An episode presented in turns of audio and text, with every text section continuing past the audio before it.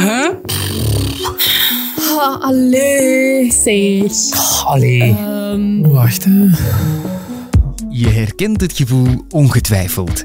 Na maanden, soms jaren, denk je... ah, zo zit dat. Maar bij Unizo willen we jou, de ondernemer, dat gevoel besparen. Met onze in-house-experten verlenen we jou advies over de belangrijkste ondernemersthema's. Het vraagt slechts 5 minuten van je tijd. En je krijgt meteen jouw Eureka-moment. Halleluja. Ah, oké, ja, zo. Yes. Maar ja, ik wist dat niet. Eindelijk. Amai, je bent mijn held van de dag. Zeg dat dan, hè. Kortom, oh, zit dat zo? Een podcast van Unizo voor de ondernemer.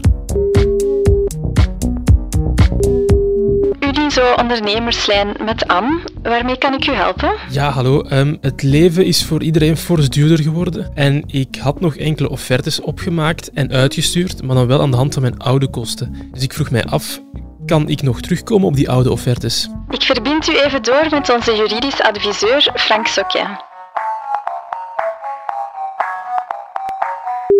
Normaal, één keer als je een offerte hebt uitgestuurd, die ontvangen is door de klant, dan ben je daar in principe aan gebonden. Hoe lang dat je daaraan gebonden bent, dat zal soms afhangen van wat jouw eigen algemene voorwaarden zeggen. Vaak is dat bijvoorbeeld een maand. En binnen die maand kan je dus je eigenlijk je offerte niet, niet intrekken. Mocht hij niet, de consument of de, je andere klant, mocht hij niet binnen die tijd aanvaard hebben, kan je dat nog wel. Als je algemene voorwaarden daar niets over zeggen, dan moet je eigenlijk je offerte uitstaan voor een redelijke termijn. Een redelijke termijn, dat hangt een beetje van de concrete situatie af, maar intrekken na twee dagen bijvoorbeeld is nu niet een goed idee. Maar wat als ik spreek over overmacht? Kan ik dan juridisch ergens beroep op doen? Overmacht is iets waar mensen spontaan wel, wel aan denken, maar overmacht is eigenlijk heel moeilijk in te roepen in deze situatie, want eigenlijk een van de voorwaarden is dat het absoluut onmogelijk moet zijn om je verbintenis uit te voeren. En het feit dat iets heel veel duurder is geworden, is vooral nadelig voor jou, maar is daarom niet onmogelijk geworden. Een, een laatste juridisch argument wat soms wel kan gebruikt worden om bepaalde kosten toch door te duwen, als ik het zo mag zeggen, is zeggen van nu dit niet aanvaarden, is eigenlijk een vorm van rechtsmisbruik. Rechtsmisbruik is natuurlijk wel een redelijk extreem voorbeeld. Je moet echt kunnen aantonen van kijk, dit is absoluut onredelijk om dit van mij te vragen. En misschien om een, een voorbeeld te geven, om het iets duidelijker te maken, tijdens de COVID-periode, winkels waren verplicht gesloten, maar ja, de huurprijs moest vaak nog volledig betaald worden als de verhuurder niet zich flexibel wou opstellen. Dan zijn er wel een aantal naar de rechter gegaan en sommige rechters hebben dan wel gezegd, oké, dat is inderdaad rechtsmisbruik om de volledige pot te vragen, we gaan dat in twee delen. Er is nog weinig rechtspraak momenteel over of dat rechtsmisbruik in de huidige situatie eigenlijk gebruikt kan worden, maar het heeft mij inziens in sommige gevallen, zeker als er enorme prijsstijgingen zijn, sommige grondstoffen zijn ook verdubbeld of verdrievoudigd, dat je dat toch kan kan inroepen. Maar je moet er wel voor naar de rechter, dus het is zeker geen evident iets. Misschien ook belangrijk, ehm, het omgekeerde. Kan ik mij beschermen tegen prijsstijgingen van mijn grondstoffen? Je tegen wapenen, je hebt natuurlijk enerzijds de juridische kant en ook de commerciële kant. Je wilt vaak jouw, jouw commerciële relatie ook niet te zeer beschadigen of, of beëindigen. Maar ik vind het toch heel belangrijk dat je op voorhand weet in wat jouw juridische positie is, om dat dan ook te kunnen gebruiken in een commerciële onderhandeling.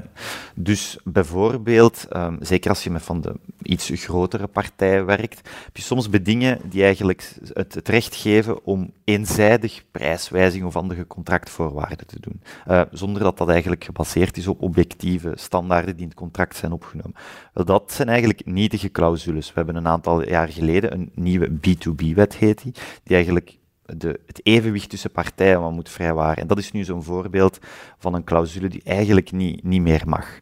Een, uh, een andere, wel origineel gevonden, die eigenlijk ook niet juist is, is soms, um, ik heb al een paar brieven ervan gezien, waar men zegt, kijk, onze prijzen zijn gestegen, Um, en wij maken nu zelfs eigenlijk verlies. En in België is er een verbod op verkopen met verlies. Dus we moeten de prijzen wel doorrekenen aan u. Maar het is eigenlijk niet juist, omdat die bepaling is er niet gekomen om mensen te beschermen tegen bepaalde prijsstijging, maar om geen spelers op de markt komen die via dumpingprijzen proberen eigenlijk de andere marktspelers de das om te doen. Dus dat zijn zo een paar zaken die je wel in onderhandelingen kan meegeven van kijk, dit of dit heeft u eigenlijk geen recht op, maar ik ben misschien bereid om hier of hier een toegeving te doen. Of eventueel ander idee is van dat u zegt van kijk, het contract geeft mij eigenlijk het recht om deze prijs te behouden ik wil daarin meegaan, maar laten we dan afspreken van zodra dat er een prijsdaling is, of dat ik op een ander moment een andere korting kan krijgen, om toch zo je commerciële relatie optimaal te vrijwaren. Oh, zit dat zo? Is een podcast van Unizo. Met expertise van de studiedienst en de ondernemerslijn. Deze serie kwam mee tot stand dankzij onze partners Liantis, KBC, Intrum en Graden. De productie gebeurde door Laurens Bervoets, Babette Plesser en Lucas Medaar. Eindredactie was in handen van Philip Horemans en Jurgen Muis.